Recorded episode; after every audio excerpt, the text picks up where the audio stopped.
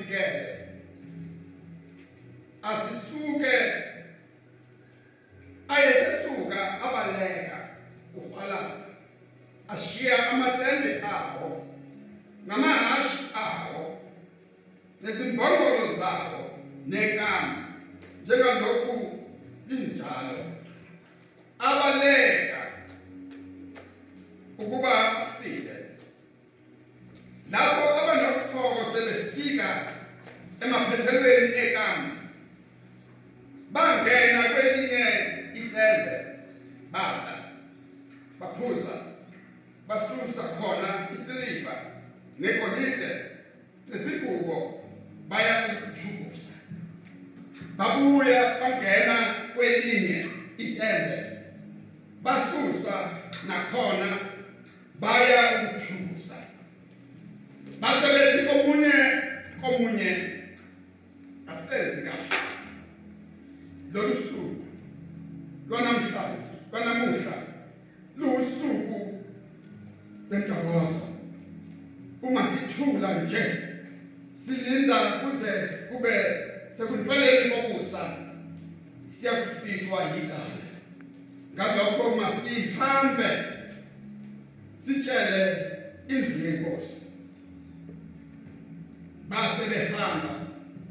babiza abalindi babiza abalindi sango. Babiza abalindi sango.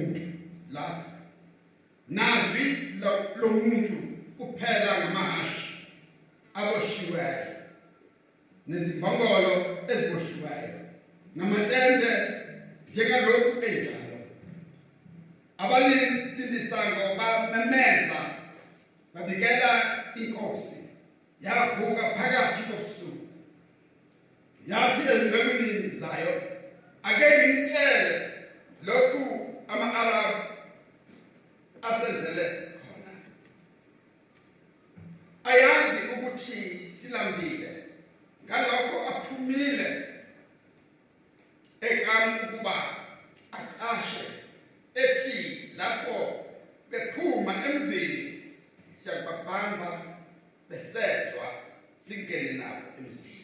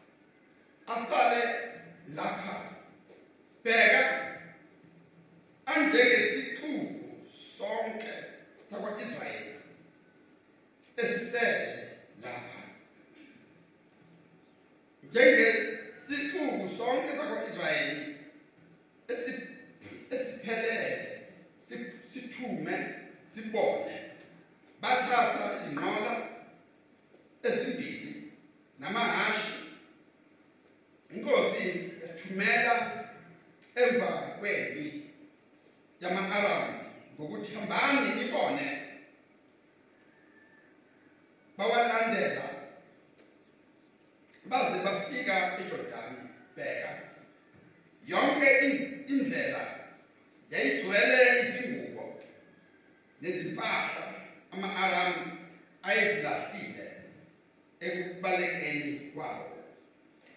Izithunywa zabuya zatshela inkosi. Abantu baphuma ba- baphanga ikamu lama-aramu iseya lempuphu exolekileyo lathengiswa ngeshekeli namaseya amabili ebhali nga- ngeshekeli njengezwi likaJehova inkosi yabeka esangweni induna eyancika esandleni sayo abantu banyathe bayinyathela esangweni yafa njengokusho kwalowo muntu kaNkulunkulu ukuthi njengokusho kwalowo muntu kaNkulunkulu akukhuluma ekwehleleni kwenkosi kuye wathi lowo muntu kaNkulunkulu esekhulumile enkosini ukuthi kuyakuba ngamaseya amabili ebhali ngeshekeli neseya lempuphu exolekileyo ngeshekeli. Ngaleso sikhathi kusasa esangweni laseSamariya.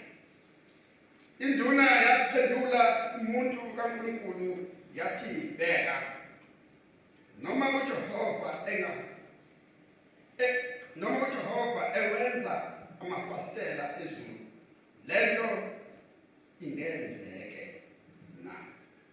Wathi bheka ukubona ngamehlo akho ungadli ku- kukho kodwa kwabanjalo kuyo abantu bayinyathela esangweni yafa izwi lakho simakade nangalesikhathi siyalamkela nambule ubeke ezinhlizweni zethu sikhole yilo egameni likaKristu inkosi amen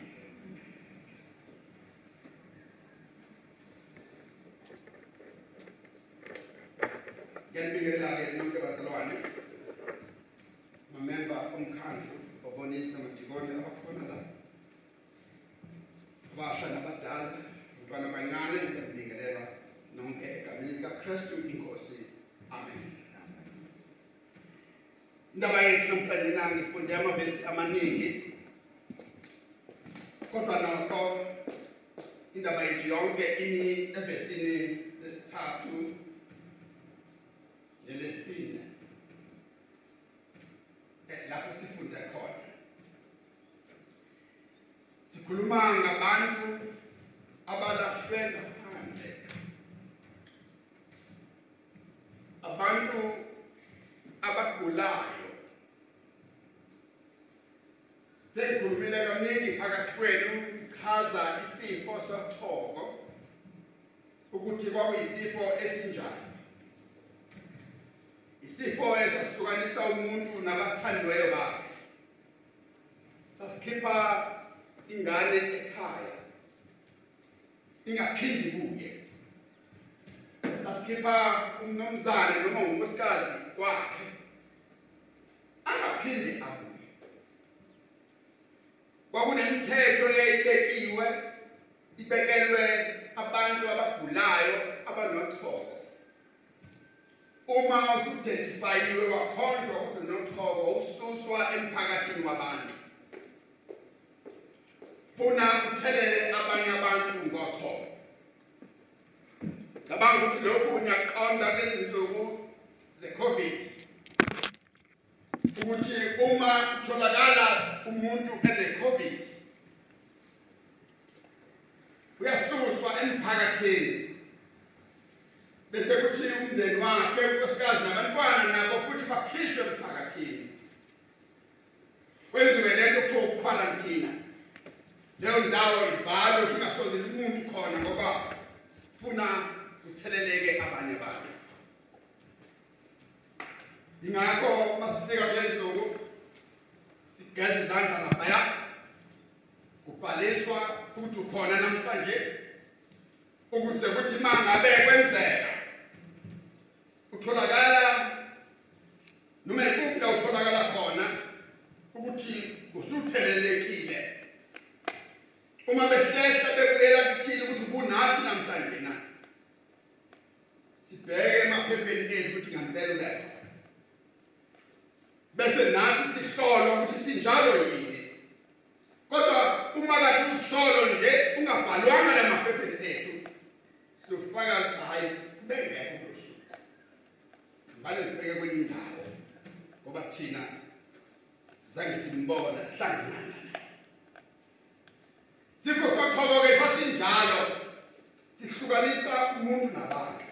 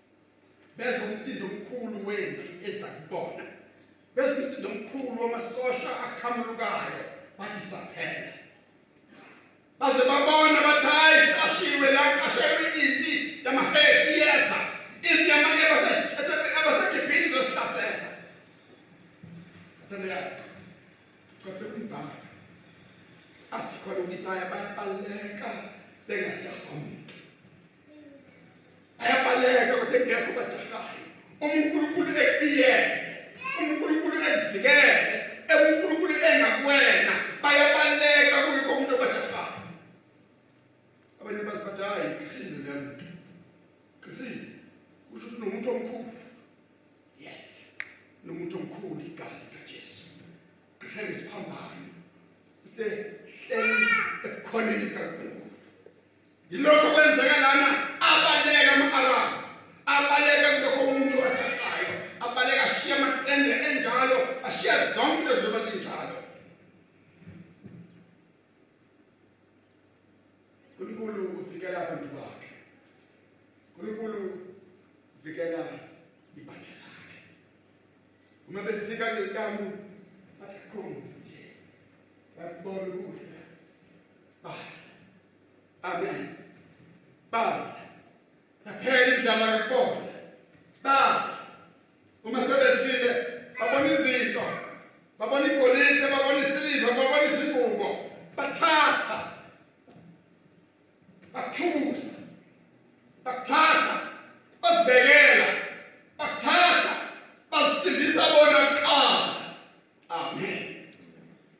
umsindisi vile izwi likaNkulunkulu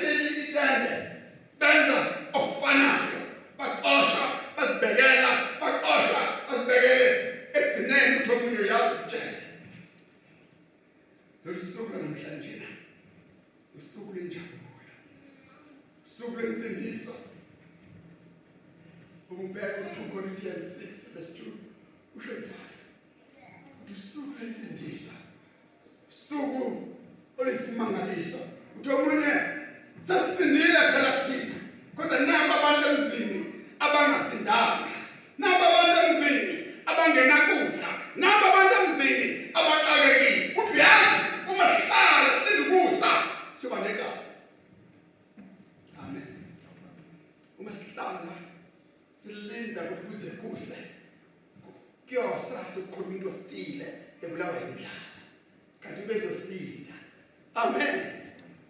Ngakho masihambe manje siye enkosini siyitshele ukuthi hayi aseke isidingo sokulamba aseke isidingo sokubhalwa kwamasango aseke isidingo sokuhlala bengadlile nakudla ngisho njalo ukuthi usuku lwensindiso usuku lokuzalwa kabusha usuku lwensindiso pawula umekhuluma encwadini yakhe yabaseroma esafredo kuqala uthi ngenkala nginenkala kwabahlakaniphileyo ikala elinalo futhi kwabangaqondi ikala kwabayiqebile nabampofu ikala kwabajuda namagreki nginenkala yokuba ngikhulume izwi likankulunkulu tshela mhlobo wami ukuthi ujesu wamamukelayo wasindisa impilo yakho washintsha uhamba kwakho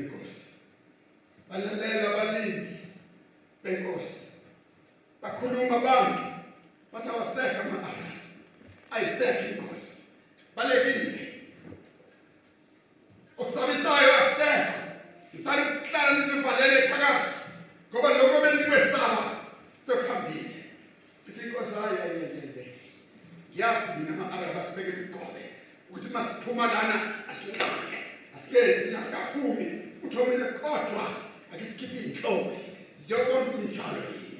Uma siphuma iy'nhloli zifika zonke izinto endleleni hambe kuwa kuwa kuwa ngoba bekubalekwa bayabuya batshela inkosi ukuthi ngempela bengiphelile ngempela bengiphelile lagcwaliseka izwi lagcwaliseka izwi ukuthi ngeshekeli elilodwa uzothola amaseya amabili kabali iseya enkulu ecolekileyo iyishekeli kuphela lagcwaliseka izwi abelikhulumile umuntu kankulunkulu ngoba uthi ngelilanga izwi lami ngiyakulinda mina ngiyakulinda ngeke kubuye lambane liyofezeka liyofezeka izwi lami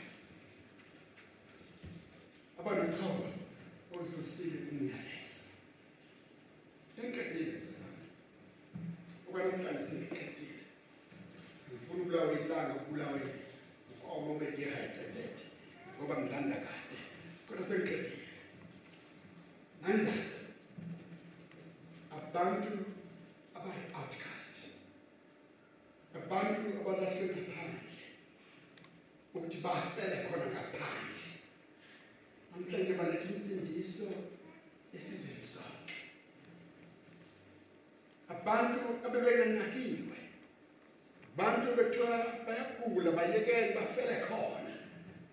Namhlanje baphiwa umyalezo wensindiso lolu suku lwanamhlanje na lusuku oluhle. Lusuku lwensindiso lusuku lokuzalwa kabusha. Lusuku lokusinda. Hayi kwethu kuphela kodwa lokusinda kwabaningi. Le ndaba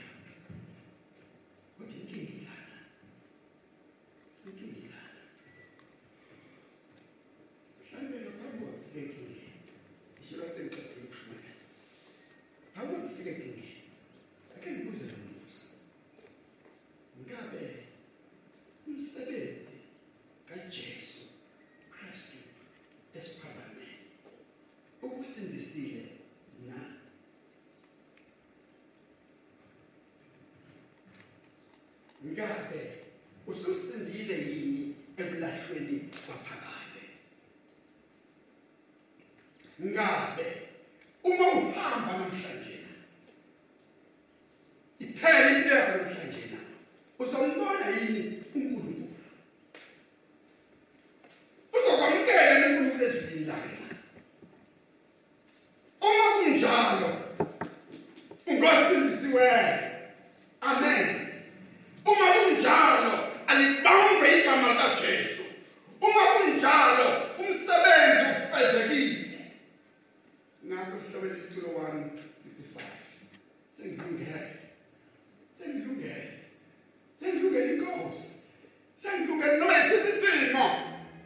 seyibona inkosi yami.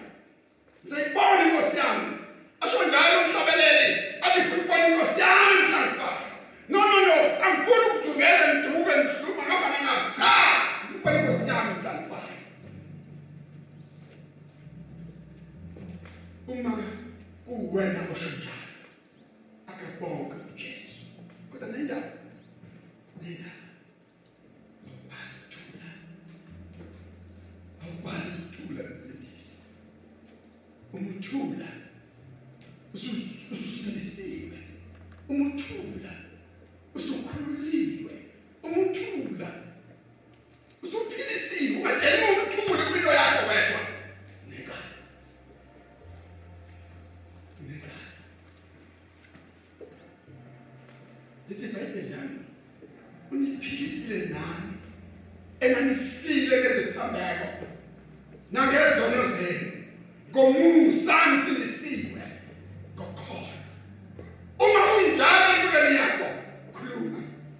குடும்பத்தை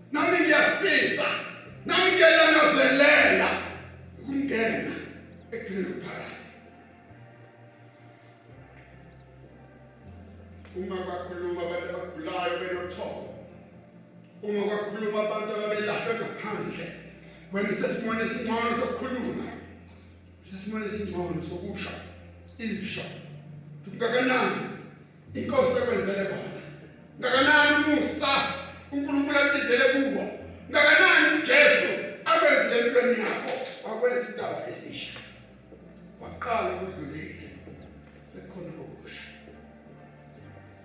siphumele lapho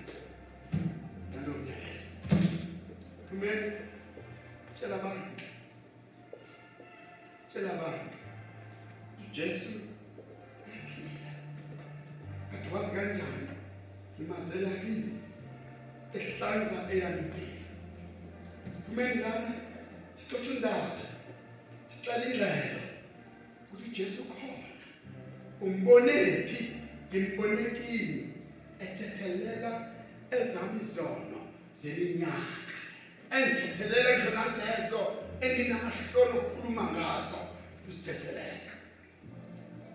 Uma sithula sinecala thina zothula namhlanje lena zothula kusube nenkhakhakhakha angishanga mzalwane ukuthi thathi ibhayibheli kumshumayele awuyeke umshumayeli wena kodwa ngishiya kwena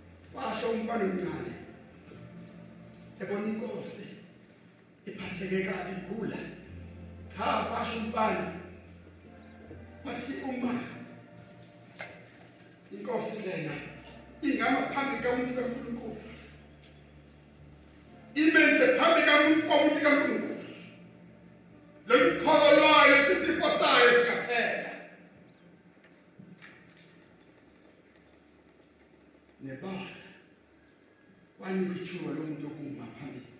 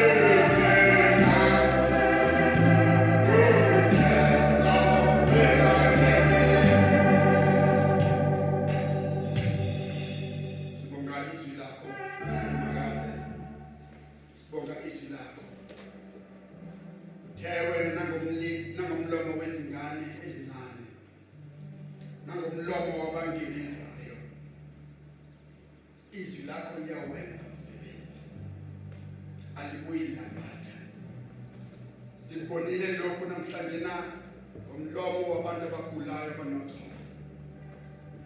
Izwi lakho limengezela. senze nathi masiphuma kulento. Singabi izibungubu kodwa sibe ngabakwazi ukukhuluma izwi lakho. Sikhulume kunoma ubani esihlangana naye. Simtshele kuJesu onguwe.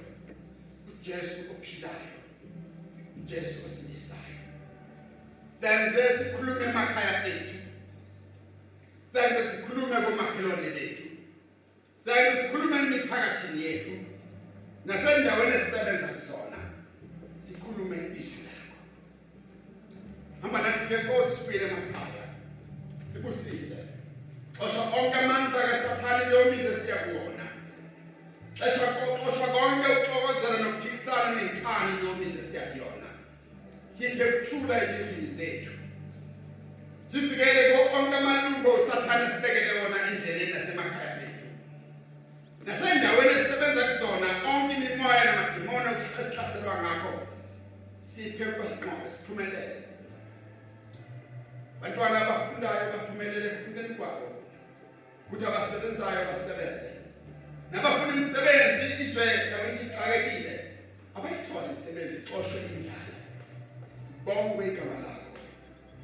Usisa nkosi ushiyela kwezwi lakho endaweni zonke lapho ibandla lakho liphumele khona ney'ngcebo ezifuna ukuyoshumayela sikusise ngokristu inkosi amen bandla lima ngezinyawo samukele Nkosi.